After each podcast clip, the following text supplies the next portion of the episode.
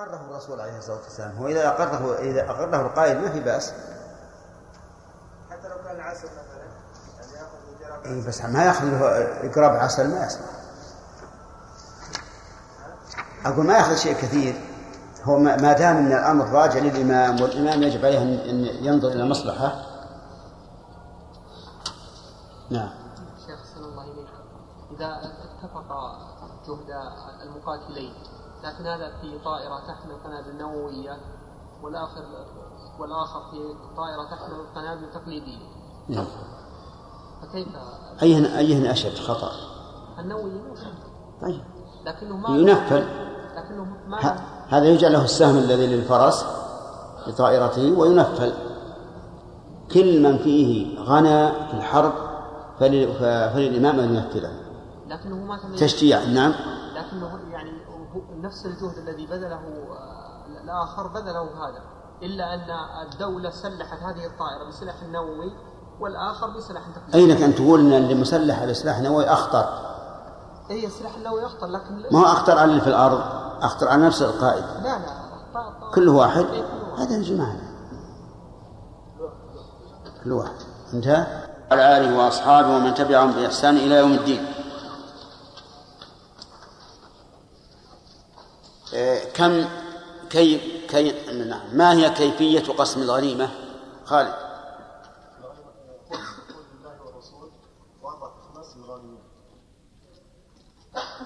كيف؟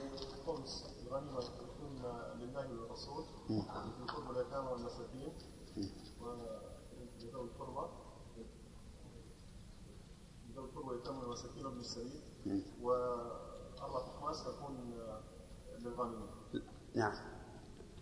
يبدأ بالخمس أولا؟ طيب. كيف له رسول؟ فقط؟ طيب. يعني يقسم الخمس على خمسة. فيكون سهم الله ورسوله واحدا من خمسة وعشرين. طيب. نعم. أين يصرف الخمس الذي لله ورسوله؟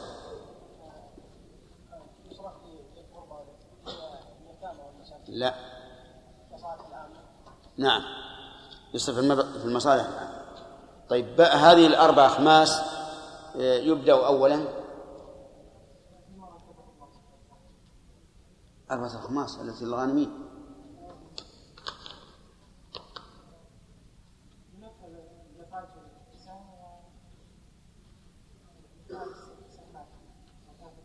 هذا القسم. هذا القسم ها لكن هل قبل القسم شيء؟ نعم.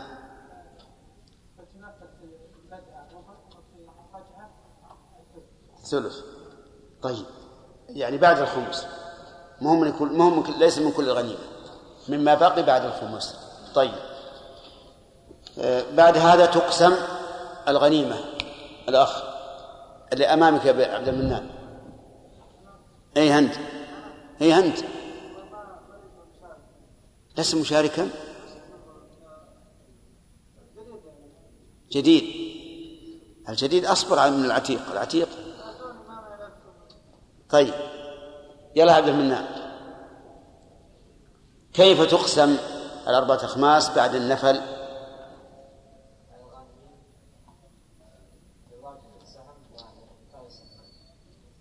للراجل سهم وللفارس سهمان. ثلاثة أسهم سهمان لفرسه وسهم له. طيب. لكنهم آه، العلماء فرقوا بين الفرس العربي وغيره. نعم. فقالوا الفرس العربي له سهمان وغيره سهم واحد. طيب. جرى بحث فيما لو آه، أغار أحد من الجيش بطائرة تبع الدولة أحمد. ها وش قلنا فيها؟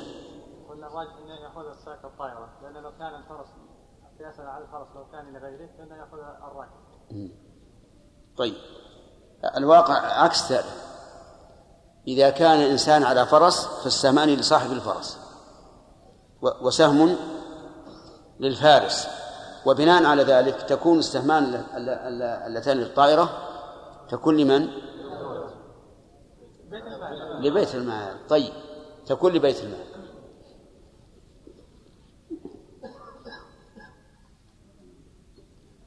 ما معنى الحديث لا نفل إلا بعد الخمس أي بعد إخراج الخمس لله والرسول وش معنى لا نفل أول لا نفل. يعني توافقونه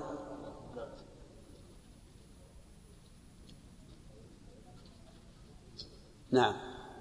يعني لا ينفذ من من الغنيمة إلا بعد الخمس بعد الخمس ثم تقسم الغنيمة بعد التنفيذ. اي نعم. صحيح.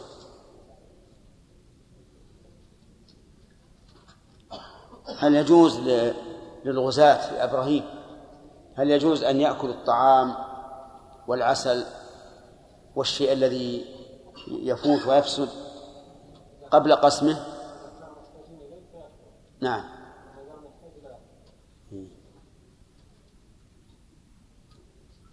طيب هل عندك دليل على على هذا التفصيل؟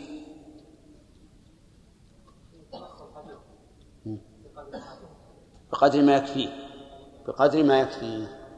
ولأن ما لا حاجة له إليه فغيره أحق به منه. طيب. عندنا حديث الرويفع مبتدأ الدرس.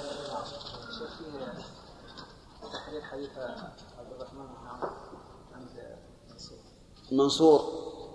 ما أدري والله منصور موجود الآن ولا لا؟ نعم. منصور مطيري مسافر حتى يحضر إن شاء الله. طيب.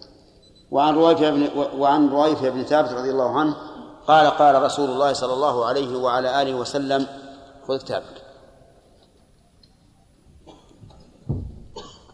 قال قال رسول الله صلى الله عليه صلى الله عليه وعلى آله وسلم من كان يؤمن بالله واليوم الآخر فلا يركب دابة من فيء المسلمين حتى إذا أعجفها ردها فيه. ولا يلبس ولا يلبس ثوبا من فيء المسلمين حتى إذا أخلقه رده فيه أخرجه أبو داود والدارمي ورجاله لا بأس بهم. قول من كان يؤمن بالله واليوم الآخر فلا يفعل. تذكر هذه الجملة حثا على المخاطب ألا يفعل إن كان في نفي أو أن يفعل إن كان في إثبات. ففي قوله من كان يؤمن بالله واليوم الآخر فليقل خيرا أو ليصمت. هذا في إثبات. هذا في إثبات. فالمقصود بذلك الحث على فعل هذا. في نهي كما في هذا الحديث فلا يركب الحث على الاجتناب لأن من يؤمن بالله واليوم الآخر سيحمله ذلك على فعل الأوامر وترك النواهي. وقوله بالله واليوم الآخر اليوم الآخر هو يوم القيامة. وسمي بذلك لأنه آخر مرحلة للبشر. فالبشر لهم مراحل لهم دور. الدار الأولى بطن الأم والدار الثانية الدنيا دار الع- العمل والدار الثالثة البرزخ ما بين الدنيا والآخرة. والدار الرابعة المستقر دار الآخرة. فلهذا يسمى ذلك اليوم اليوم الآخر لأنه لا يوم بعده وليس فيه ليل ولا نهار بل إما جنة وإما نار. نسأل الله أن يجيرنا وإياكم من النار. فإن قال قائل لماذا ذكر اليوم الآخر ولم يقل وملائكته وكتبه ورسله والقدر خير وشر. قلنا إن هذه الأربعة داخلة في ضمن الإيمان بالله. لأن الرسل رسل الله والكتب كتب الله والقدر قدر الله والملائكة ملائكة الله وكلها مما أخبر الله به عنه. فيكون الإيمان بها داخلا في الإيمان بالله. فإن قال قائل يرد عليكم أن اليوم الآخر الإيمان به من الإيمان بالله؟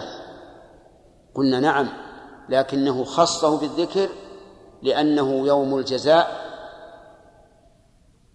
فإذا ذكره الإنسان وآمن به فسوف يحمله على أن يقوم بالمأمورات ويترك إيش؟ المنهيات. لأن تحقيق الإيمان باليوم الآخر لا بد أن يحمل الإنسان على فعل الأوامر وترك النواهي. وقوله فلا يركب ناقة من فيء المسلمين. المراد بالفيء هنا الغنيمة. وليس الفيء الذي هو خمس الخمس بل هو الغنيمة. يركبها حتى إذا أعجفها ردها لأن هذا خيانة للمسلمين. وهو غلول للمنافع. لأن الغلول يشمل غلول الأعيان. كما لو أخذ الإنسان ثوبا أو سيفا أو ما أشبه ذلك وغلول المنافع. وهذا من غلول المنافع. ولا يلبس ثوبا من فيء المسلمين حتى إذا أخلقه رده فيه. وكذلك أيضا لا يلبس ثوبا من فيء المسلمين أي من الغنيمة حتى إذا أخلقه. ومعنى أخلقه صيره خلقا. والخلق والثوب القديم المستعمل رده فيه أي في الفيء لأن ذلك أيضا نوع من الغلول غلول المنافع. أخرجه أبو داود والدارمي ورجاله لا بأس بهم. أبو داود والدارمي أخرج أخرجاه وقول المؤلف رجاله لا بأس بهم هذا أدنى مراتب التعديل. وهو قريب من أعلى من من من أدنى مراتب التجريح من أدنى مراتب التجريح. عرفتم؟ لا بأس بهم. ليس توثيقا تاما ولا جرحا. فهو تعديل لكنه أدنى مراتب التعديل. نعم.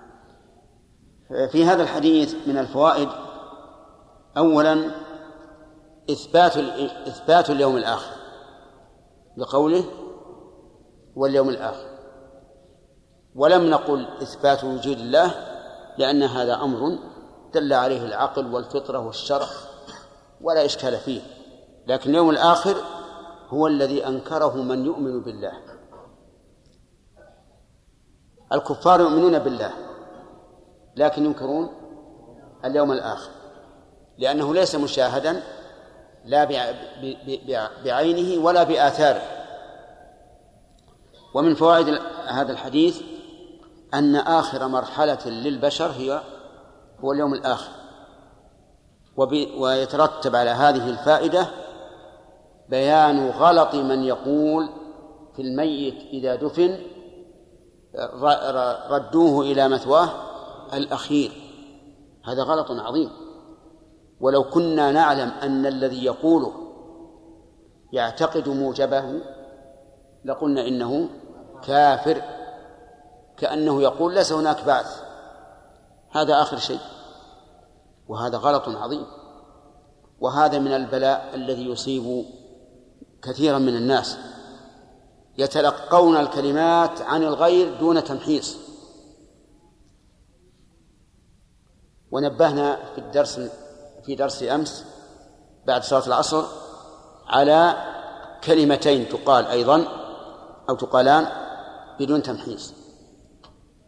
من يحفظهما؟ آدم. نعم. والثانية؟ يكفي النصف جزاك الله خير. هات عبد الله. نعم. صحيح. كثير من الناس يقولون الدين الإسلام دين المساواة وهذا لا يصح على إطلاق هو دين المساواة فيما لا فرق بينهما.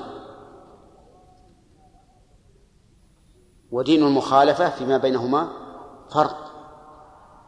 وهذه الكلمة لما كانت تحتمل معنى باطلا ومعنى حقا صار لا يجوز إطلاقها بالنسبة لدين الإسلام.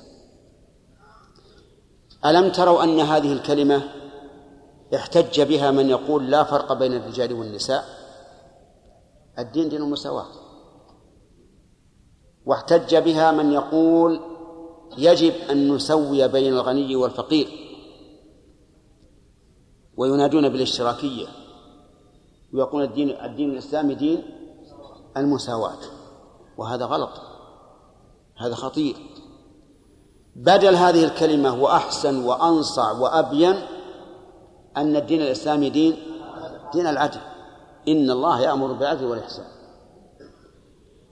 الثانية اللهم إني لا أسألك رد القضاء ولكن أسألك رد اللطف فيه. هذا غلط. مخالف للحديث.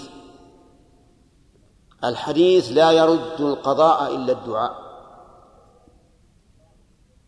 وكم من شيء أراده الله عز وجل فرفعه بالدعاء ألم تعلموا أن النبي صلى الله عليه وسلم قال في صلاة الكسوف إن الله يخوف عباده بذلك فإذا رأيتموهما فافزعوا إلى ذكر الله ودعائه والصلاة لماذا؟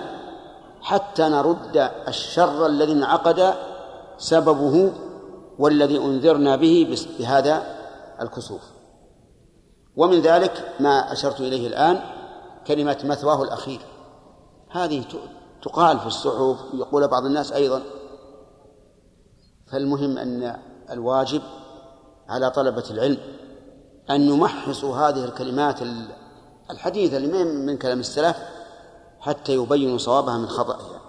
وهنا جملة معترضة. يقول سيد فوائد هذا الحديث تحريم ركوب الدابة من من الغنيمة.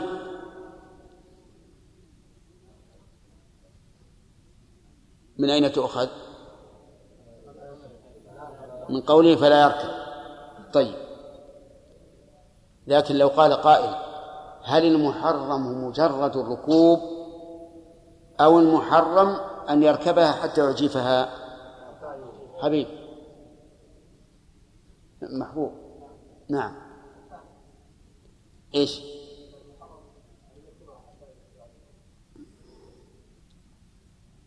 طيب. تخ... توافقونه؟ شرافة. نعم لأننا علمنا أن هذا غلو المنافع ثم إن قوله حتى يعجبها أيضا تعليم أنها إذا ركبت مرة ثم مرة سوف يعني يحتمل أن تكون حتى للغاية وأن تكون للتعليل. أليس كذلك؟ وإذا نظرنا إلى أن هذا المال قد تعلق به حق جميع الغانمين ترجح أن تكون حتى إيش؟ للتعليل. نعم. نعم لو دعت الضرورة إلى ركوب الدابة فلا حرج. تكون كالطعام الذي يحتاج إليه. أما بدون ضرورة فلا. ومن فوائد هذا الحديث أن ركوب الدابة من فيء المسلمين مناف لكمال الإيمان بالله واليوم الآخر. وجهه؟ أي ما أنا فاهم يؤخذ من هذا لكن ما وجهه. أنت؟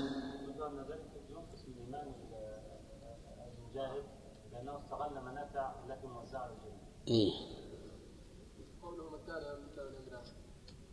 حيث جعل من مقتضى الإيمان بالله واليوم الآخر أن لا يركب. هذا وجهه فإذا كان هذا من مقتضاه وتخلف هذا المقتضى دل على نقصان الإيمان بالله واليوم الآخر. ومن فوائد هذا الحديث حماية بيت المال. حماية بيت المال. وجهه عقيم.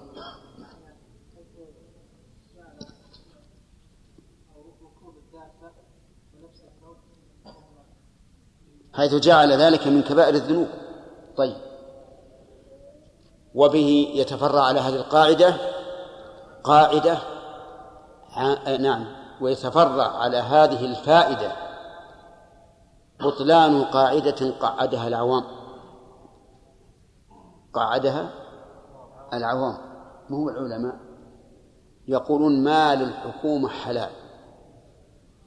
كل كما شئت بالكذب والحيلة وكل شيء. هذا صحيح؟ إذا كان هذا الوعيد على من ركب دابة من فيء المسلمين فكيف بمن؟ الله المستعان. نهب أموال كثيرة. وبه نعرف أن من أعطي انتدابا وهو لم ينتدب فإنه يأكل سحتا. وأن الذي أعطاه ذلك لم يقم بواجب الأمانة لأنه مؤتمن على مال الحكومة. وأنه أي الذي أعطاه هذا الانتداب ظالم له. لمن؟ للمعطى. لأنه أعطاه ما لا يستحق. وجعله يأكل سحتا لأن بعض الموظفين مساكين. قد يقبلون هذا إما لحاجتهم أو لاستكثارهم من المال. لكن الذي أغراهم بذلك وجعل له انتداب هو الذي لم يقم بأمانته وهو الذي ظلمهم ومثل ذلك أيضا من يكتب له خارج دوام وهو لم لم يعمل. فإن هذا حرام. حرام عليه أن يأخذه لأنه بغير حق وكذلك من كتب له هذا فإنه لم يقم بواجب الأمانة من جهة ولي الأمر فيكون ظالما لهذا المسكين الذي أخذ مثل هذه المكافأة إذن القاعدة العامية صحيحة أو باطلة؟ باطلة. بارك الله فيك. طيب. من فوائد هذا الحديث أيضا تحريم لبس ثوب من فيء المسلمين لقوله ولا يلبس ثوبا من فيء المسلمين. ونقول في قوله حتى إذا أخلقه ما قلنا في قوله حتى إذا أعجفه وأن حتى للتعليل وأن اللبس لا بد أن يؤثر على الثوب ولو لبسة واحدة كما هو معروف. وعن أبي نعم. وعن أبي وعن أبي عبيدة بن الجراح رضي الله عنه قال سمعت رسول الله صلى الله عليه وعلى آله وسلم يقول يجير على المسلمين بعضهم. أخرجه ابن أبي شيبة وأحمد وفي إسناده ضعف. وللطيالسي من حديث عمرو بن العاص يجير على المسلمين أدناهم وفي الصحيحين عن علي رضي الله عنه ذمة المسلمين واحدة يسعى بها أدناهم زاد ابن ماجه من وجه آخر ويجير عليهم أقصاهم. وفي الصحيحين من حديث أم هانئ قد أجرنا من أجرت. نعم. هذه أحاديث. الحديث الأول يقول المؤلف في إسناده ضعف. والثاني يقول نعم الثاني لم يتكلم عن إسناده لكنه يسمى عند أهل المصطلح إيش؟ شاهدا. لأن الشاهد عند أهل المصطلح ما جاء من رواية صحابي آخر مؤيدا للحديث الضعيف. والثالث أيضا ذمة المسلمين أي عهدهم واحد يسعى بها أدناهم شاهد مقوي لا شك. ورواية ابن ماجه يجير عليهم أقصاه وأيضا هناك شاهد تطبيقي وهو قول الرسول صلى الله عليه وسلم قد أجرنا من أجرت يا أم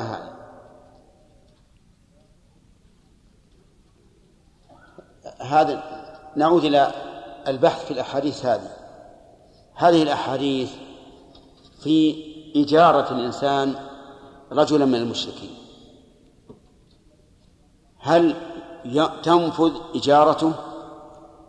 والإجارة بمعنى التأمين يعني لو أمنه هل ينفذ أو لا بد من أن يكون ذلك من الإمام أو نائب الإمام؟ هذا هو موضوع هذه الأحاديث. وليعلم أن عقد الذمة لا يكون إلا من الإمام أو نائبه. وعقد العهد العام لا يكون إلا من الإمام أو نائبه. وتأمين شخص معين يكون من كل واحد من المسلمين. تأمين شخص معين يكون من كل واحد من المسلمين. يقول يقول النبي عليه الصلاة والسلام فيما يروى عنه يجير على المسلمين بعضهم أي يكون جار مجيرا أي مؤمنا للمشرك على المسلمين بعض المسلمين. فلو دخل مشرك إلى بلد المسلمين بأمان من تاجر أو عالم أو ما أشبه ذلك فإنه يجار.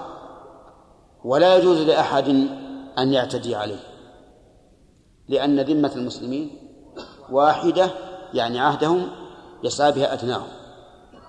وقد قال الله لرسوله صلى الله عليه وعلى آله وسلم وإن أحد من المشركين استجارك فأجره حتى يسمع كلام الله وحتى هنا للغاية وللتعليل أيضا ثم أبلغه مأمنه رده إلى مكانه الذي يأمن فيه. وهذا إذا طلب أحد المشركين أن يجار فإن كان لقصد ديني وجب علينا أن نجيره. إذا قال أجيرون أريد أن أسمع كلام الله أريد أن أنظر عمل المسلمين كيف يصلون كيف يتصدقون كيف يصومون. أجيرون فهنا يجب علينا أن نقبل وأن نجيره لأن هذا لمصلحة الإسلام والمسلمين. وإن طلب الإجارة من أجل أمور مباحة. كالبيع والشراء وما أشبه ذلك فإننا لا يلزمنا أن نجيره لكن لنا أن نجيره.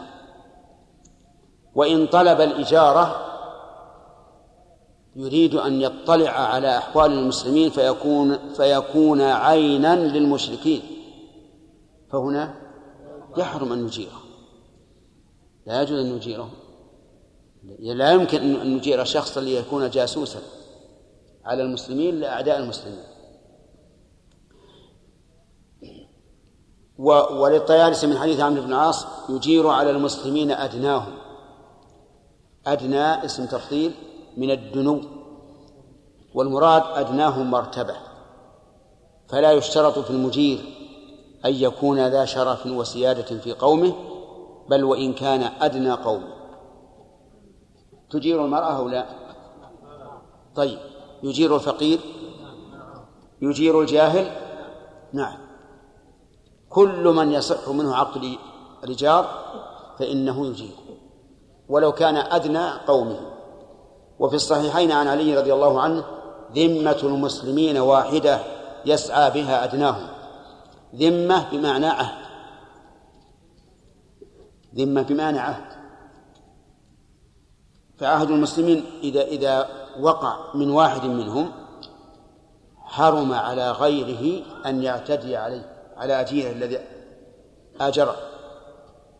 ولهذا قال يسعى بها أدناهم. وهذا كقوله في الحديث حديث الطيالسي يجير على المسلمين أدناهم.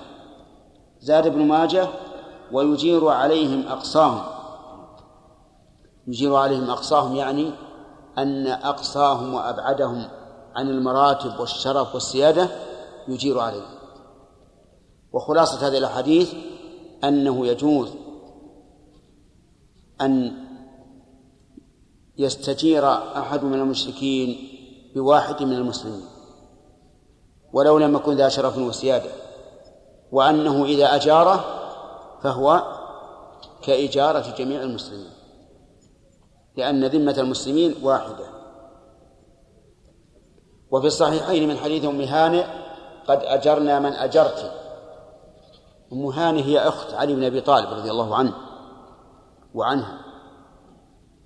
أجارت رجلين من المشركين عام الفتح. فكان في جوارها. فقال النبي صلى الله عليه وسلم قد أجرنا من أجرت. وإنما قال ذلك لأن علي بن أبي طالب امتنع أن يجيرهما وهو أخوها. حتى رفع الأمر إلى رسول الله صلى الله عليه وعلى آله وسلم فقال قد أجرنا من أجرت. والمرأة بالنسبة لقومها من أدناهم ولا من أعلاهم؟ من أدناهم.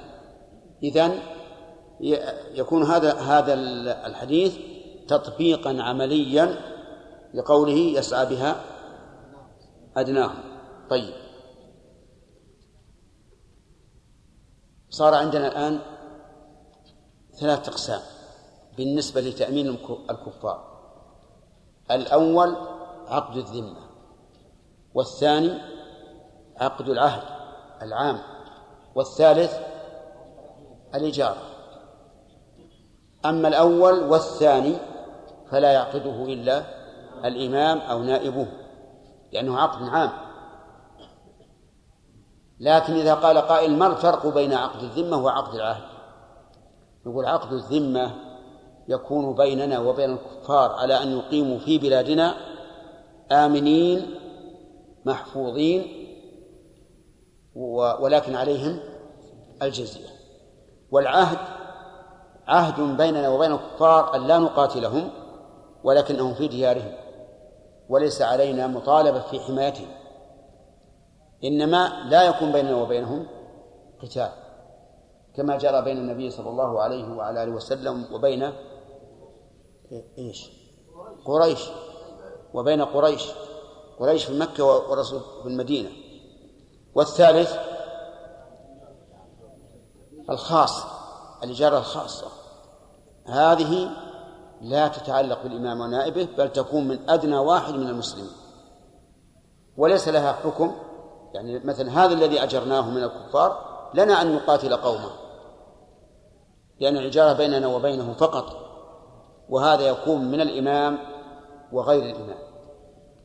طيب وعرفتم البحث هل يجب علينا إجابة طلبه الإجارة؟ ذكرنا أن فيه تفصيلا وأنه على ثلاثة أحكام واجب ومباح وحرام. ثم قال وعن عمر رضي الله عنه أنه سمع النبي صلى الله عليه وعلى آله وسلم يقول لأخرجن اليهود والنصارى من جزيرة العرب حتى لا أدع إلا مسلما. قول لا أخرجن هذه الجملة مؤكدة بثلاثة مؤكدات ويقولها لنا الشهري عبد العزيز.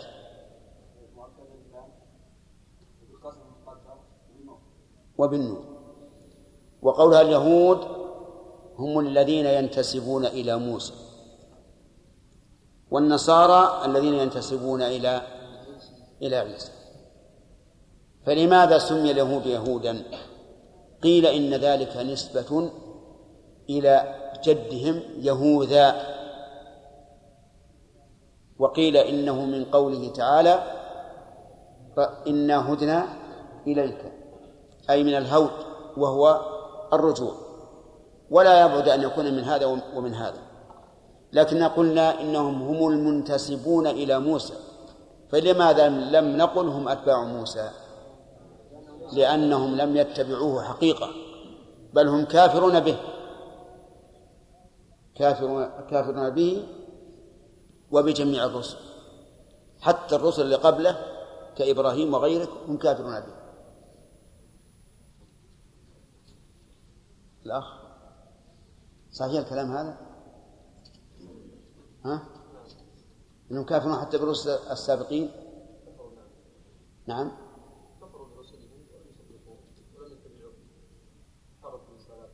لكن هم الآن ما كذبوا ما كذبوا إلا عيسى ومحمد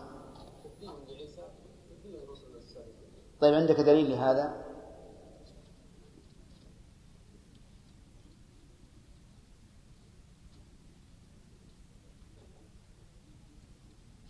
شراب قوله تعالى في سورة الشعراء في أكثر من آية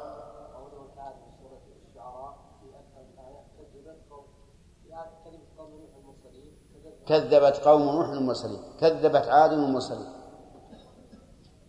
مع مع أن نوح ليس قبله رسول. ومع ذلك حكم حكم الله عز وجل بأن قومه كذبوا كل المرسلين. وذلك أن المكذب بواحد من الرسل مكذب بجنس الرسالات. وجنس الرسالات عام. وإلا فما الفرق أن يكون فلان أو فلان. طيب وقلنا أيضا في النصارى إنهم أت... إنهم المنتسبون إلى عيسى. ولم نقل أتباع عيسى. ليش؟ لأنهم لم يتبعوه. لم يتبعوا عيسى. بل كذبوه وردوا بشارته. وقال لا. لهم عيسى يا بني إسرائيل إني رسول الله إليكم مصدقا لما بين يدي من التوراة. وهذا الرسول الذي قبله. ومبشرا برسول يأتي من بعدي اسمه أحمد. اسمه أحمد. بشرهم بهذا. وهل يبشرهم برسول لا ينتفعون به؟ أجيب لا. إذن بشرهم برسول يعني أنه رسولكم الذي تحصلون باتباعه على كل خير وتسلمون من كل شر. ولهذا جعلها بشرى. لكن أتدرون ماذا قال النصارى؟ قالوا إن الرسول الذي بشرنا به أحمد. وهذا محمد. ونحن ننتظر أحمد. فيقال لهم قبحكم الله. أخذتم بالمتشابه وتركتم المحكم. في هذه الآية نفسها فلما جاءهم بالبينات قالوا هذا سحر مبين. إذن هذا الرسول الذي اسمه أحمد جاء أو ما أو أو لم يجي؟ جاء. فتبين بطلان حجته. فإن قال قائل لماذا لم يسمه أحمد؟ لماذا لم يسمه محمدا؟ قلنا إن عيسى لا يعلم الغيب وإنما تلقى الاسم من الوحي. أوحاه الله إليه. وأوحى الله إليه هذا الاسم لفائدة عظيمة لأن أحمد اسم تفضيل. وهو إقرار من عيسى بفضيلة من؟ بفضيلة محمد عليه الصلاة والسلام وأنه أحمد الناس لله وأحق الناس أن يحمد فاسم التفضيل هنا للفاعل والمفعول فهم الفاعل والمفعول إيش معناه؟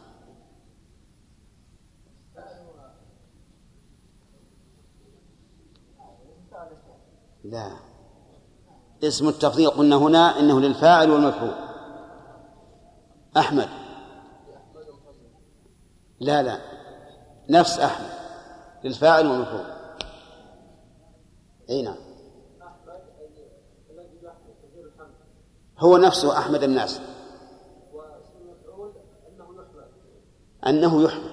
يعني أحق الناس يحمد محمد عليه الصلاة والسلام. فأوحي إليه هذا الاسم ليتبين فضله صلوات الله وسلامه عليه دون محمد الذي هو اسم مفعول. واضح يا جماعة؟ واضح. ثم فنقول للنصارى إنه جاءكم بالبينات وقلتم هذا سحر مبين وأن الله اختار أن ألهم عيسى أن يسميه أحمد لهذا السبب ليتبين فضله. وأنه أحمد الناس لله وأحق الناس أن أن يحمد عليه الصلاة والسلام. طيب. يقول لا أخرجن اليهود والنصارى من جزيرة العرب. أقسم أن يخرجهم من جزيرة العرب. ها كان تشير جاء الوقت؟ طيب. إذا إن شاء الله نكمل الحديث في الدرس المقبل. يلا خالد. أخذنا أن الدابة في المسلمين من الكبائر. نعم. كيف أخذنا من الكبائر يا شيخ؟ لأنه ينتفي بها الإيمان. كنا محرم فقط. لا ينتفي بها الإيمان.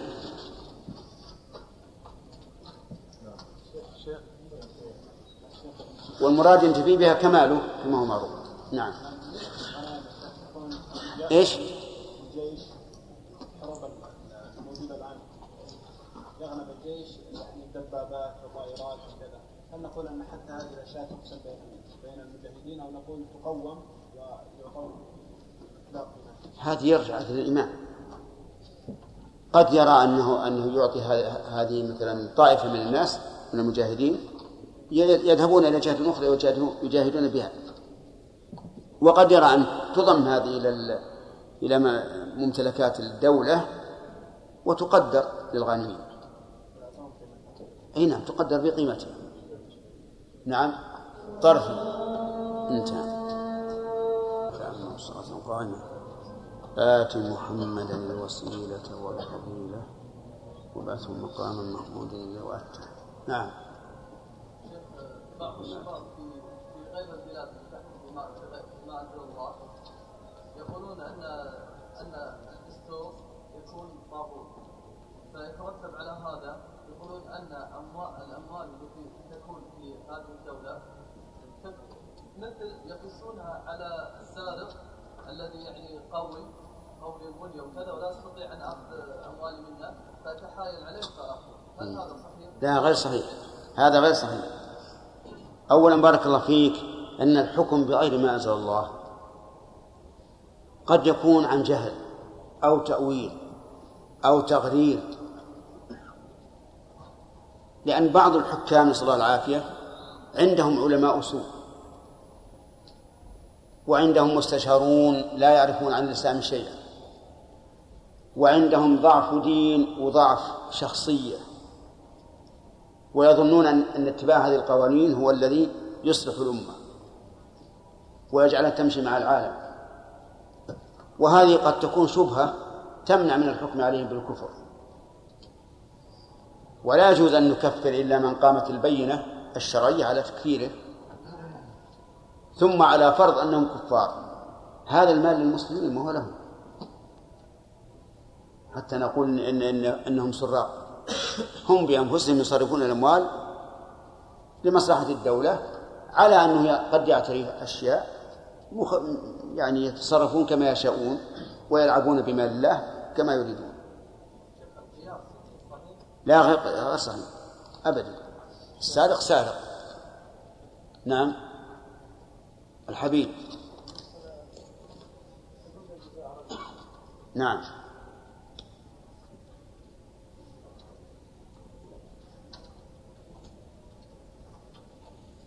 أي نعم. أي ما بعد جاء الكلام عليه. ما جاء الكلام عليه. نعم. إذا خشي الإمام من المنافقين الذين قد يجيرون الكفار فهل له أن يمنع الإجارة؟ نعم له أن يمنع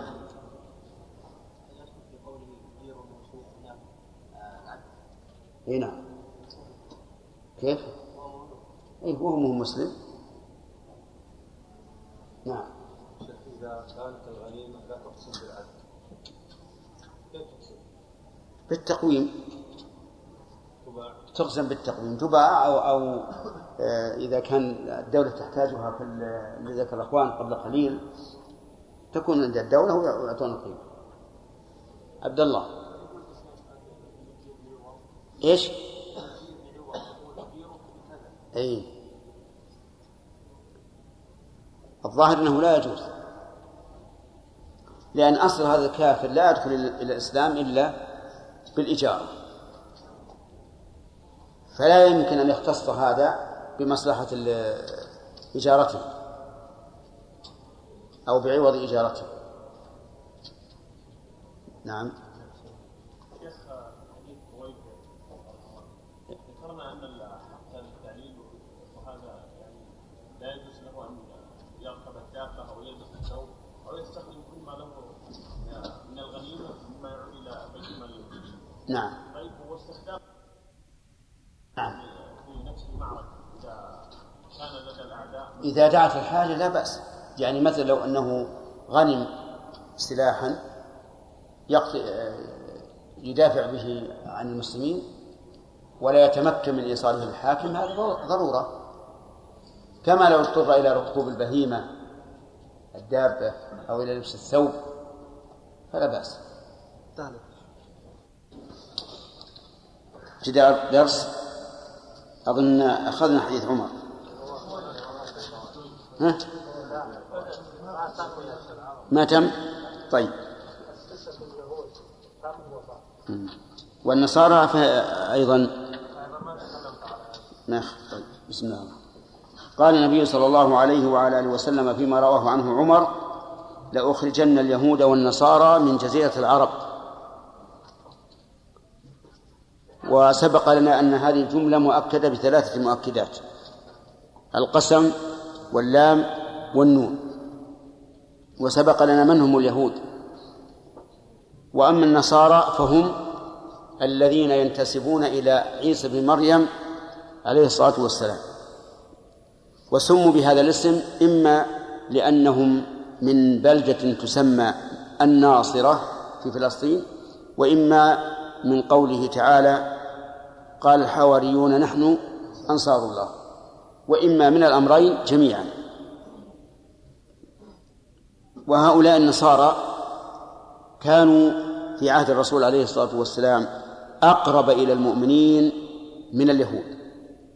لقوله تعالى لتجدن أشد الناس عداوة للذين آمنوا اليهود والذين أشركوا ولتجدن أقربهم مودة للذين آمنوا يعني من من الكفار الذين قالوا إنا نصارى. وعلل ذلك بأن منهم قسيسين ورهبانا وأنهم لا يستكبرون وإذا سمعوا ما أنزل إلى الرسول ترى أعينهم تفيض من الدمع إلى آخره.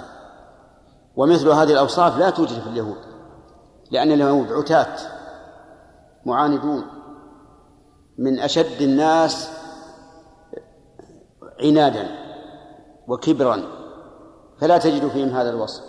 أما النصارى ففيهم هذا. ولهذا صاروا أقرب الناس مودة إلى المؤمنين من سائر الكفار. ولكن بما أن الحكم يدور مع علته فإنه إذا انتفت هذه العلة انتفى الحكم. ولذلك نجدهم اليوم من أشد الناس عداوة للمؤمنين وأشدهم شراسة في قتال المسلمين وهذا شيء مشاهد. فمنذ الحروب الصليبية إلى يومنا هذا وهم في صراع دموي وغير دموي مع المسلمين. ولا يسعون أبدا إلا لصالح أنفسهم ولو على حساب المسلمين. ونجد أنهم الآن تحقق فيهم قول الله تبارك وتعالى يا أيها الذين آمنوا لا تتخذوا اليهود والنصارى أولياء. بعضهم أولياء بعض. فاليهود مع النصارى أولياء. وفي هذا الزمن ظهر هذا تماما في قضية اليهود في فلسطين وقضية النصارى في في البلاد الأخرى. وأنهم يساعدونهم بالمال والعتاد وكذلك أيضا بالسياسة. وهذا أمر معروف. ولهذا قال النبي عليه الصلاة والسلام لأخرجن اليهود والنصارى. فجعل الاثنين حكمهما جعل الاثنين حكمهما واحدا. نعم. أنه يخرجهم من من جزيرة العرب لما في بقائهم فيها من الشر ولأن جزيرة العرب منها خرج الإسلام. وشاع نوره في الآفاق وإليها يعود كما ثبت عن النبي صلى الله عليه وعلى آله وسلم أن الإيمان يأرز إلى المدينة أن يرجع كما تأرز الحية إلى جحرها. ولأنها لو فشت لو فشى فيها هذان هذان الدينان لفسدت. ولهذا جاء في الحديث لا يجتمع دينان في جزيرة العرب. يعني لا يمكن أن تقام شعائر الدين دين الكفر ودين الإسلام في الجزيرة. فإما هذا وإما هذا. وهو إشارة إلى وجوب أن تتمحض هذه المدينة هذه الجزيرة لمن؟ للمسلمين. فما هي الجزيرة؟ الجزيرة حدودها من الشمال الشام. الشامل لسوريا وفلسطين وما وما والاها وحدودها من الغرب البحر الأحمر وحدودها من الشرق العراق وحدودها من الجنوب اليمن. هذه هي جزيرة العرب وسميت جزيرة من باب التغليب على خلاف المعروف عند الجغرافيين لأن الجزيرة عند الجغرافيين هي ما جزر عنه الماء في وسط البحر فيكون البحر محيطا بها من كل جانب. أما الجزيرة العربية فإنه لا يحيط بها البحر من كل جانب ولهذا يعبر بعضهم عنها بشبه الجزيرة العربية لأنها ليست جزيرة كاملة. هذا كلام الرسول عليه الصلاة والسلام. حيث أخبر بأنه يؤكد إخراج هؤلاء من جزيرة العرب. وورد عنه فيما رواه أهل السنن أنه أمر بذلك فقال أخرجوا اليهود والنصارى من جزيرة العرب. وفي مرض موت صلوات الله وسلامه عليه أوصى أمته فقال أخرجوا المشركين من جزيرة العرب. في آخر حياته أخرج المشركين من جزيرة العرب. وعلى هذا فالواجب على المسلمين إخراج اليهود والنصارى من جزيرة العرب وإخراج المشركين من جزيرة العرب. وقد ذكرنا آنفا الحكمة في ذلك. فإن قال قائل يرد علينا أن النبي يرد على هذا أن النبي صلى الله عليه وعلى آله وسلم عامل أهل خيبر بشطر ما يخرج منها من ثمر أو زرع وأقرهم ولم يجلهم إلا عمر بن الخطاب رضي الله عنه لسبب من الأسباب. فالجواب أن نقول إن إقامة اليهود والنصارى في الجزيرة على على نوعين. النوع الأول على وجه الإذلال وأنهم عمال من جملة العاملين فهذا لا بأس به لا بأس به لكن بشرط أن نأمن شره فإن لم نأمن شره فإنه لا يجوز أن يبقوا. والثاني إقامة إقامة استيطان فهذا هو الذي منع منه الرسول صلى الله عليه وسلم. وأمر بالإخراج. بقاء اليهود في خيبر من النوع الثاني أو الأول. من النوع الأول ولهذا قال النبي صلى الله عليه وعلى آله وسلم في العقد الذي جرى بينهم نقركم على ذلك ما شئنا. ولما استغنى المسلمون عنهم في عهد عمر بن الخطاب رضي الله عنه ولما حصل منهم من الغدر أجلاهم إلى أذرعات في الشام وإلى مواطن أخرى. فالحاصل أن نقول إن المراد استيطان اليهود والنصارى والمشركين في الجزيرة هذا ممنوع. يجب على ولي الأمر منعه لأنهم إذا استوطنوا سوف يطالبون بطلب المواطن من المدارس والمعابد وغيرها من الحقوق لا سيما الدينية وهذا يوجب إشكالا كبيرا. لأنهم إما أن يجابوا فيجتمع نعم دينان في جزيرة العرب وإما أن لا يجابوا فيحصل منهم شر وبلاء وبلاء لهذا يمنع استيطان اليهود والنصارى والمشركين في الجزيرة مطلقا بأي حال من الأحوال. أما بقاؤهم على أنهم عمله يعملون لصالح الناس فهذا لا بأس به ما لم إيش؟ ما لم يؤدي إلى إلى شر وفساد.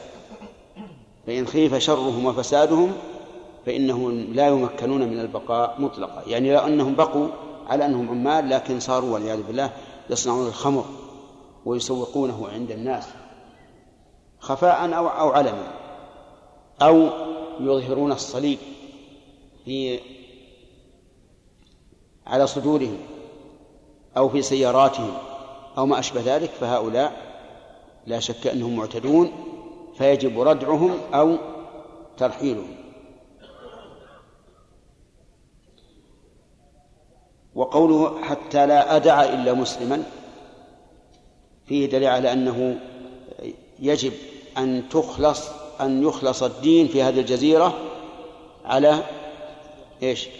على دين الإسلام ثم قال وعنه رضي الله عنه ناخذ الفوائد. الفوائد وجوب إخراج اليهود والنصارى من جزيرة العرب إذا بقوا على وجه إيش؟ السكن والاستيطان. ومن فوائد هذه هذه هذا الحديث حرمة أو احترام هذه الجزيرة لأنها منها بدء الإسلام وفيها البيت الحرام وفيها مسجد رسول الله صلى الله عليه وعلى آله وسلم. فلا جرم أن يكون لها من الحرمة ما يجب أن تطهر من النجس من المشركين واليهود والنصارى. ومن فوائد هذا الحديث أنه أنه تجب العناية في هذه الجزيرة من حيث الاستقامة والتقوى. بحيث تخلص لمن؟ للإسلام. لقوله حتى لا أدع إلا مسلما. هل نستفيد من هذا أنهم إذا لم يخرجوا إلا بقتال فإننا نقاتلهم؟ نعم. إذا إذا لم يكفوا عن الاستيطان إلا بالقتال قاتلناهم وعن عمر وعنه رضي الله عنه قال كانت أموال بني النضير مما أفاء الله على رسوله مما لم يوجف عليه المسلمون بخيل ولا ركاب فكانت للنبي صلى الله عليه وعلى آله وسلم خاصة فكان ينفق على أهله نفقة سنة وما بقي يجعله في الكراع والسلاح. عدة في سبيل الله عز وجل متفق عليه. قوله كانت أموال بني النضير. بنو النضير هم إحدى الطوائف الثلاث اليهودية التي التي عاهد النبي عاهدها النبي صلى الله عليه وعلى آله وسلم حينما قدم المدينة. وهم بنو قينقاع وبنو النضير والثالث بنو قريظة ثالثا وكلهم غدروا وخانوا فأجلاهم النبي صلى الله عليه وعلى آله وسلم بدون قتال. أجلى بني النظير بدون قتال. فكانت مما أفاء الله عليه يقول رضي الله عنه مما لم يوجف عليه المسلمون بخيل ولا ركاب. يوجف أي يحمل أي مما لم يحملوا عليه بخيل ولا ركاب. الخيل معروف والركاب الإبل. لأن هؤلاء نزحوا عن بلادهم وتركوها. حتى كان حتى كانوا والعياذ بالله من الحسد والحقد يخربون البيوت. يكسرون أبوابها ويفسدونها بقدر ما يستطيعون. يخربون أيديهم, بيوتهم بأيديهم وأدميهم يقول فكانت للنبي صلى الله عليه وعلى آله وسلم خاصة. ووجه ذلك أنها لم تؤخذ بقتال والغنيمة ما أخذ بقتال وما ألحق به وهذه لم تؤخذ بقتال ولا ما ألحق به فكانت لرسول الله صلى الله عليه وعلى آله وسلم خاصة. فكان عليه الصلاة والسلام ينفق على أهله نفقة السنة كأنه يدخر نفقة السنة لينفقها على أهله. لكن مع ذلك إذا أتاه المحتاج فإنه يعطيه حتى إنه يبيت الليالي ذوات العدد وهو جائع وينفق ما ما عنده من من الأموال. وما بقي يجعله في الكراع والسلاح الكراع الخيل والسلاح معروف. عدة في سبيل الله حال من الكراع والسلاح يعني حال كونه عدة في سبيل الله عز وجل. يشوش عليكم يا الصبي ها؟ رح اذهب إليه وقل له يسكت أو يرحم. نعم كيف؟ سمع؟ هذا الحديث فيه فوائد منها أنه يجوز أخذ أموال من جلوا عن أرضهم خوفا منه. لأن النبي صلى الله عليه وعلى آله وسلم أخذ أموال بني النضير.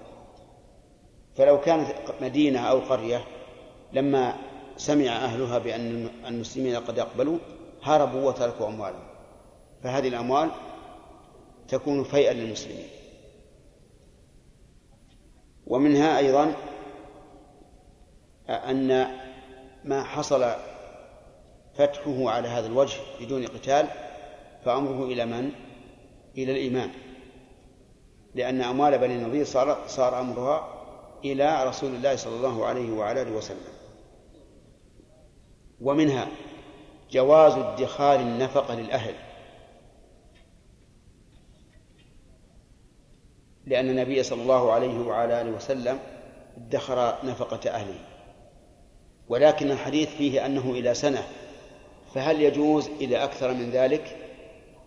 نقول إذا لم يكن في المسلمين حاجة وخاف هو من تجدد الحاجات فله أن يدخر أكثر.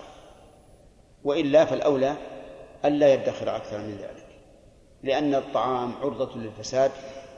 ولأن الطعام في مظنة حاجة الناس إليه فلا ينبغي أن يكثر. أما إذا كان ليس في البلد حاجة وكان هو يخشى من نوائب الدهر فلا بأس.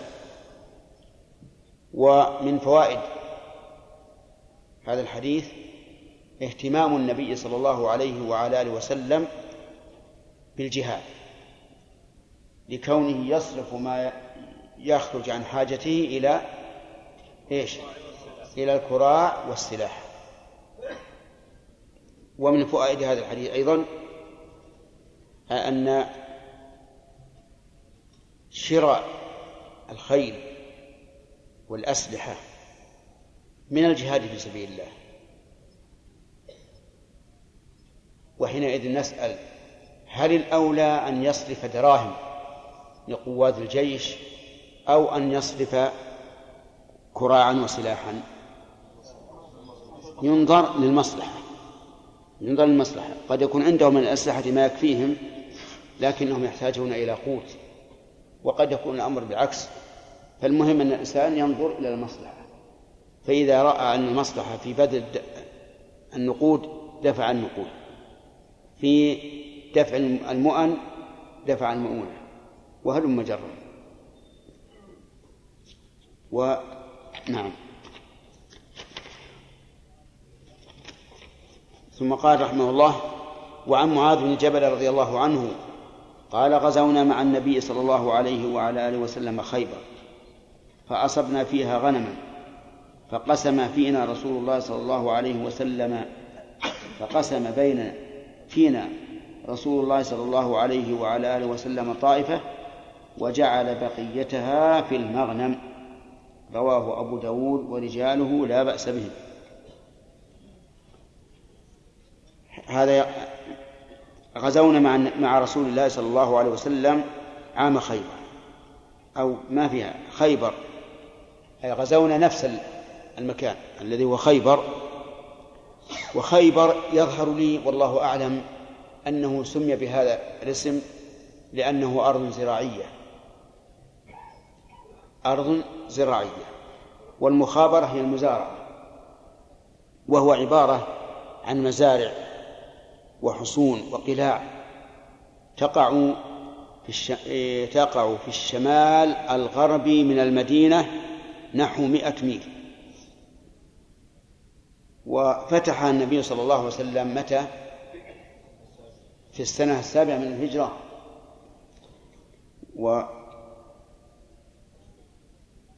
ويقول إنها أصبنا غنما فقسم فينا فينا, فينا رسول الله صلى الله عليه وعلى آله وسلم طائفة وجعل بقيتها في المغرب.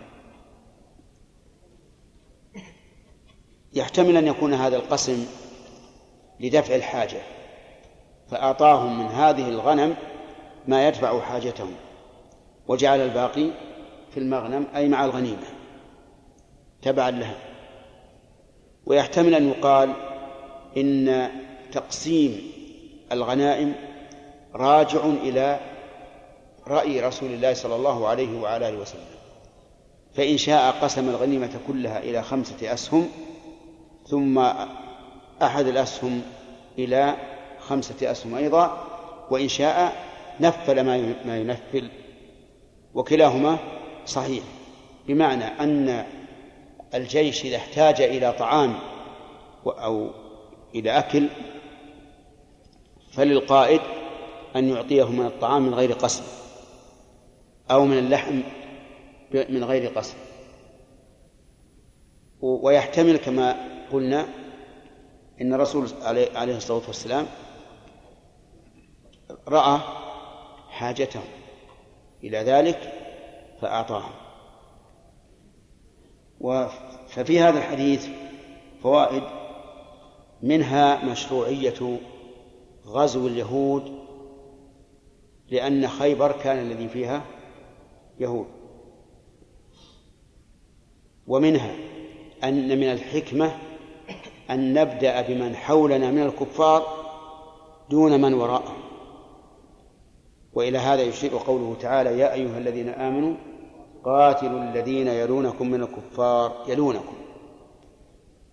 ووجه ذلك أننا لو ذهبنا نقاتل الأبعد لك لكنا نخاف من من الأقرب أن يأتينا من ورائنا. فلا فالحكمة أن نأخذ البلاد من أطرافها مما يلينا لأن ذلك أسلم.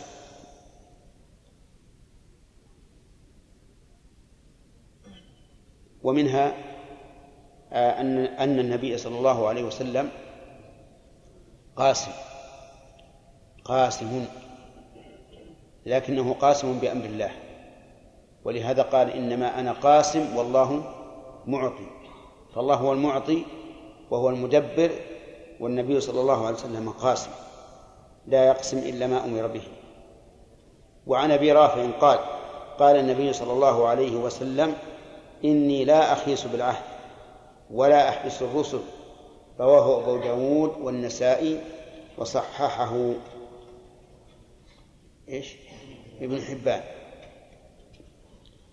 قوله إني لا أخيس هذه الجملة كما ترون مؤكدة. بكم مؤكد؟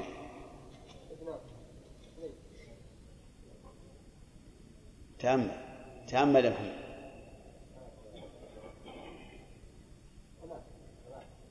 تأمل. واحد. هي مؤكد بمؤكد واحد وهي إن. وأما لا أخيس فهي نافية وليست للتوكيد. ومعنى أخيس أخيس به أنقضه ولا ولا أحبس الرسل يعني الرسل الذين يأتون من الأعداء للمفاوضة والمفاهمة. لأن لأن حبس هؤلاء الرسل خيانة وفيه تفويت لمصلحة عظيمة لأنه قد يكون الخير في إيش؟ في التفاوض. فلو أن الرسل قتلت ما حصل تفاوض ولا صلح. في هذا الحديث فوائد وهي وجوب الوفاء بالعهد. وقد دل على ذلك نصوص كثيرة. منها قوله تعالى وأوفوا بالعهد إن العهد كان مسؤولا. ومنها أن الله أمر بقتال الكفار إلا المعاهدين. ومنها أن النبي صلى الله عليه وسلم جعل الغدر بالعهد من علامات النفاق. هذه أدلة سمعية. أما الأدلة العقلية فلأننا لو غدرنا بالعهد مع أعدائنا لكان هذا وصمة عار في ديننا يقول هذه أمة الإسلام تغدر بالعهد. طيب الغدر بالعهد من الكبائر أو من الصغائر؟ من كبائر الذنوب. لأنه لأنه رتب عليه عقوبة خاصة. فإن قال قائل إذا خفنا من نقض العهد. إذا خفنا من نقض العهد نقول هذا الخوف إما أن يكون قبل إبرام العهد أو بعد إبرام العهد. فإن كان قبل إبرام العهد فإننا لا لا لا, لا نبرمه معهم. يعني كيف نبرم عهدا مع قوم نخاف أن ينقضوه؟ لا فائدة هذا لغو. ويعتبر ذلا. وإما أن يكون ذلك بعد العهد أي بعد عقد العهد معهم. فهؤلاء لا يجوز أن ننقض عهدهم. لكن ماذا نصنع؟ ننبذ إليهم على سواء. لقول الله تعالى وإما تخافن من قوم خيانة فانبذ إليهم على سواء. طيب فإن وفوا بالعهد وجب علينا أن نفي بالعهد في قول الله تعالى فما استقاموا لكم فاستقيموا لهم إن الله يحب المتقين. وإن نكثوا العهد وجب قتالهم وقد حث الله عليه حثا بينا فقال وإن نكثوا أيمانهم من بعد عهدهم وطعنوا في دينكم فقاتلوا أئمة الكفر. إنهم لا إيمان لهم لعلهم ينتهون. فصار المعاهدون ثلاثة أقسام. وعبد الله بن عوض يبينها لنا القسم الأول.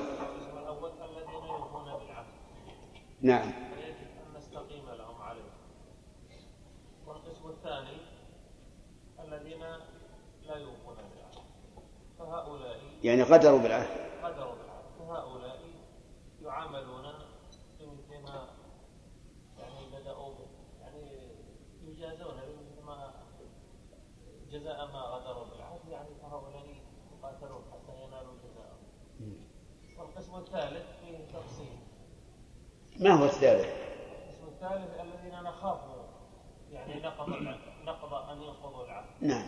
وما تحقق إلى الآن. نعم.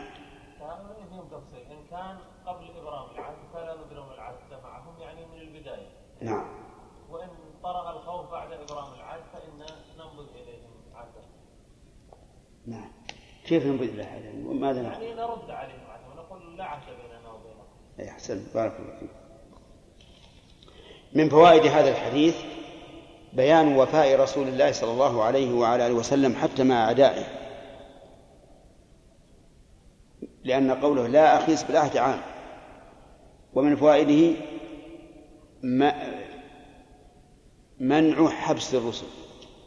رسل من؟ رسل الأعداء الذين يأتون للمفاوضة. طيب فإن قال قائل إذا خفنا أن يكون هذا الرسول الذي أرسل عينا للمشركين. ومعنى عينا؟ جاسوسا للمشركين. فهل نحبسه؟ نقول نعم نحبسه. لأن الأعداء ربما يرسلون رسولا لا يريدون الصلح ولا التفاهم لكن يرسلون هذا الرسول ليدري ليعلم ما نحن عليه. فيرجع وقد جس عليه. فمثل هذا إذا علمنا بالقرائن أنه قدم لهذا وجب علينا أن نحبسه لأنه لا, لا أهدر حقه بكونه عينا للمشركين. قال وعن أبي هريرة رضي الله عنه. طيب ما نكمل هذا يا شيخ؟ نعم اللي استوطن شيخ مشرك في جزيرة العرب نعم. هل حكم إيش؟ هل حكم حكم لنا؟ لا يمنع. يطرد بالقوة. إذا كان النظام. نعم. إذا كان النظام يجيز له إذا كان النظام يجوز له فعلى فعلى من شرع هذا النظام الإثم. أما نحن ما ما ما نذهب لنقاتل هذا الرجل. أو نخرجه من ديارنا لما يترتب على هذه من المفاسد العظيمة. لأن لو فعلنا هذا صار كل واحد والي ولي أمر.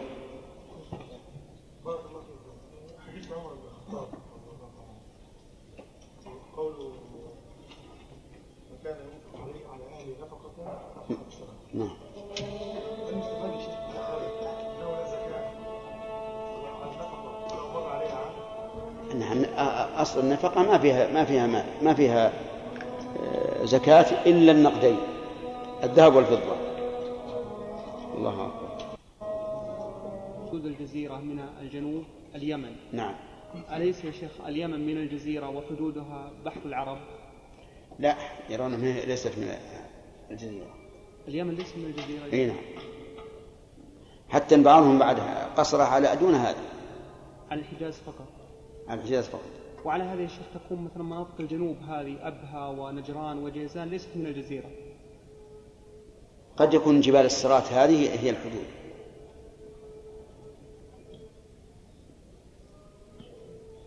نعم سليم.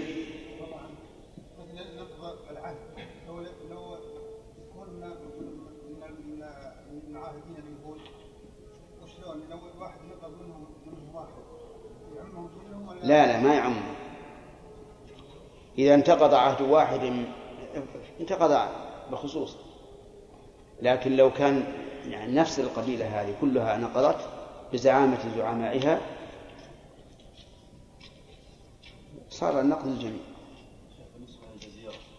النبي صلى الله عليه وسلم قال الجزيرة ولم يقل شبه الجزيرة. نعم.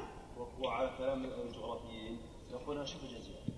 فهل نقيد قول النبي صلى الله عليه وسلم بأنه أقام المضاف إليه مقام المضاف؟ لا. لا هذا من باب التغليف لأن أكثر قد أحاط بها البحث إذا نقول إذا ما حاط بها البحر أو أغلب أين إذا كلام الجغرافيين مردود. اصطلاح هذا بارك الله فيك. الآن عندنا الشاة. هي الأنثى من الضأن وهي في الشرع واللغة أعم من ذلك. كان عند رجل مثلا ثمان نصارى إيش؟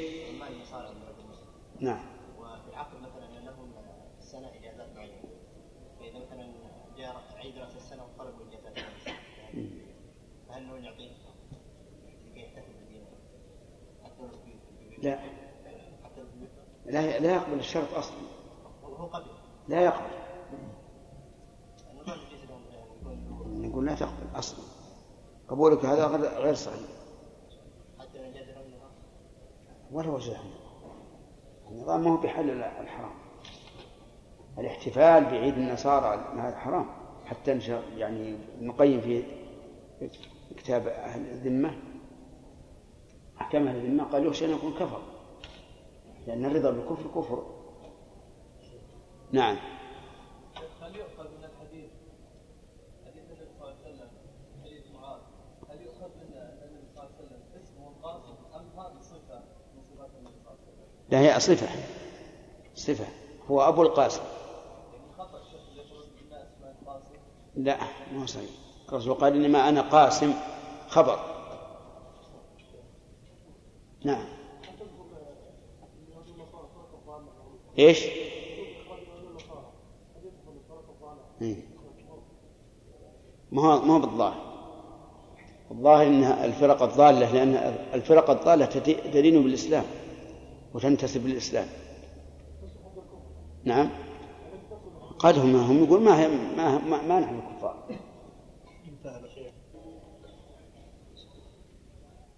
أود التنبيه على أنه وقع في وقع في طبعة درس بلوغ المرام تاريخ 22 6 15 و400 ألف صفحة 70 خطأ في سياق الحديث. لو استقبلت من أمري ما استدبرت ما سقت الهدي ولا أحللت معكم. والخطأ أنه ولا أحللت بلام التوكيد كما نقلتموها في الدرس. كتبت ولا أحللت بالنفي. أقول جزاه الله خيرا هذا الذي نبه. وهل معكم النسخ؟ ها؟ انتبهوا لها. صفحة سبعين بتاريخ 22 بتاريخ 22 ستة. قال ولا أحللت. والصواب ولا أحللت. الأسئلة كثيرة اليوم يا جماعة المفروض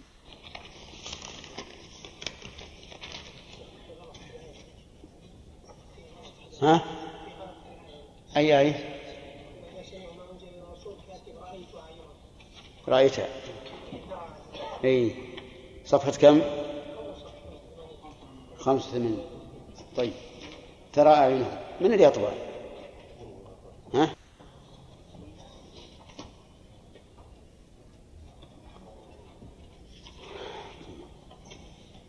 الرحمن بسم الله الرحمن. الرحيم وأصحابه ومن تبعهم بإحسان إلى يوم الدين. قوله أخرجوا اليهود ألا أخرجن اليهود والنصارى من جزيرة العرب. أظن بحثنا فيها. طيب. آه، قول عمر رضي الله عنه كانت أموال بني النضير إلى آخره. من بني النضير يا كمال هم قوم من اليهود آه، كانوا مجاورين في المدينة نعم. وش الله. كم كان في المدينة من من قبائل اليهود؟ كانوا ثلاثة. بنو النضير وبنو قينقاع. لحد لحد لحد يتكلم أنا سمعت اللي يقول قينقاع. نعم بنو النضير وبنو قينقاع والذي فيهم آه، هيي بن عقبة اليهودي ما يصلح. ما هو جواب. نعم. ثلاث طوائف أو قبائل. نعم. بنو قريظة. إيش؟ قينقاع. طيب. آه. لماذا قدموا إلى المدينة؟ محمد. نعم سليم. نعم. لأنهم كانوا يقرؤون أن الرسول عليه الصلاة والسلام سيكون مهاجرا في المدينة فكانوا آه، فقدموا ليكونوا معه وكانوا يستفتحون على الذين كفروا. يقولون سيبعث نبي. ونكون معه ون- ونغلبكم وكان الأمر بالعكس. طيب. آه، ما معنى قوله مما لم يوجف المسلمون عليه؟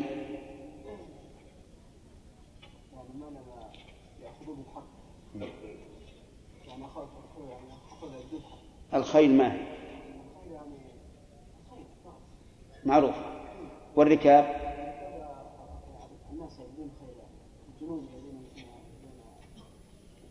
هذا يسمون رجالا. ركاب نعم. حمد. الإبل يعني. طيب.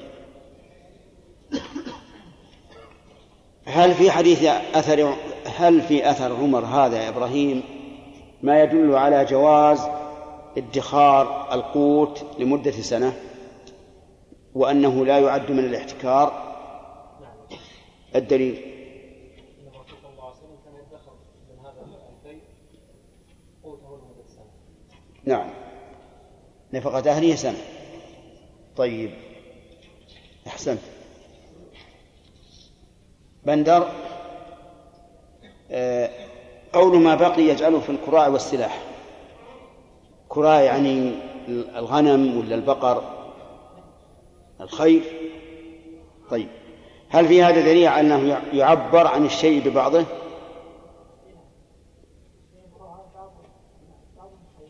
أي نعم. طيب أحسنت.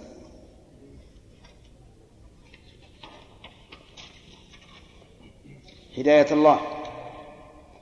إيه، ما الذي تستفيد من حديث معاذ بن جبل؟ يعني يستفيد هذا الشيخ آه، التقسيم يعني يصح القيئة آه، النفل. النفل آه، إيه. جواز النفل. طيب في الحيوان وشبهه؟ لا بس طيب. معنى قوله أنا لا أخيس بالعهد. أحمد؟ نعم. لا أنقضه أو لا أغدر به. تفسير لا أغدر به أحسن من لا أنقضه. لماذا؟ لأنه يطابق المفسر بالتعدية. إذ أن أنقض يتعدى بنفسه. وأغدر يتعدى بحرف الجر وتفسير الشيء بما يطابقه عملا أحسن. يلا عبد العزيز شهري معنى لا أحبس الرسل. رسل الملوك ها؟ رسل الملوك الذين يبعث يبعثهم يبعثهم واسطة. نعم.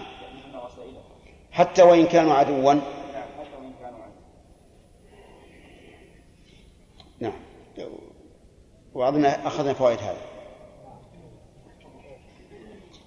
قال المؤلف رحمه الله تعالى في بلوغ المرام فيما نقله عن أبي هريرة رضي الله عنه هذا مبتدأ درس الليلة إن شاء الله أن رسول الله صلى الله عليه وعلى آله وسلم قال أيما قرية أتيتموها ف- ف- فأقمتم فيها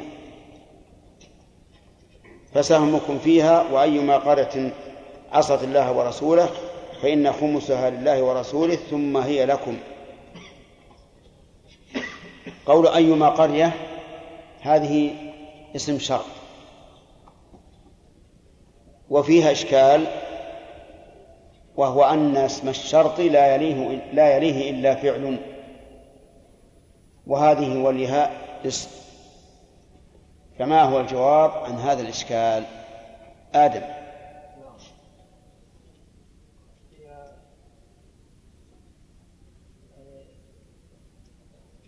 بفعل مقدر قبل أي إيش؟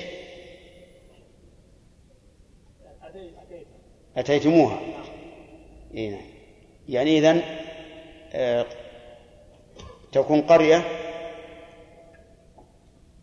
نعم. قرية هنا مضاف. مضاف إليه. مضاف إلى إلى ما؟ مضافة إلى ما؟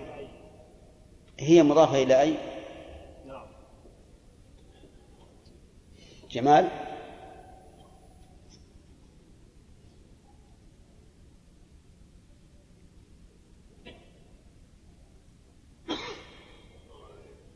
شدة الانفصال بين المذات والمذات إليه لأنه لا هذا من لازم الإضافة أيوه شرطية وهذا كأنه كلمة الشرط قرية مثل وأتيتم فعل فعل الشرط يعني المضاف والمضاف إليه واحدة كلمة واحدة.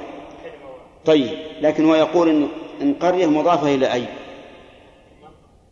آدم. ها؟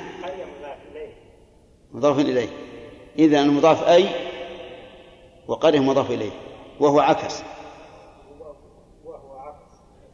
فيقال له إذن اعكس. تصل نعم طيب. يقول أيما قرية القرية هي المدينة سواء كانت كبيرة أو صغيرة. هذا هو المشهور هذا هو المعلوم هذا هو المعلوم من اللغة.